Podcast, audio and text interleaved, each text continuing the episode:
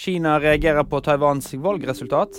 Valgvinner Lai Ching-te har vært den presidentkandidaten som har tatt sterkest avstand fra Kina.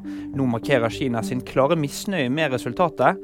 Taiwan er Kinas Taiwan, det sier kinesiske myndigheter. Alexander Aamodt Kilde er ved bevissthet. 31-åringen falt stygt i Vengen utfor en lørdag og ble fraktet til sykehus med helikopter. Fallet skjedde rett før mål, og rennet ble stoppet i en halvtime. Flere alpinister har den siste tiden opplevd stygge fall. Friends-manus solgt for over 280 000 kroner.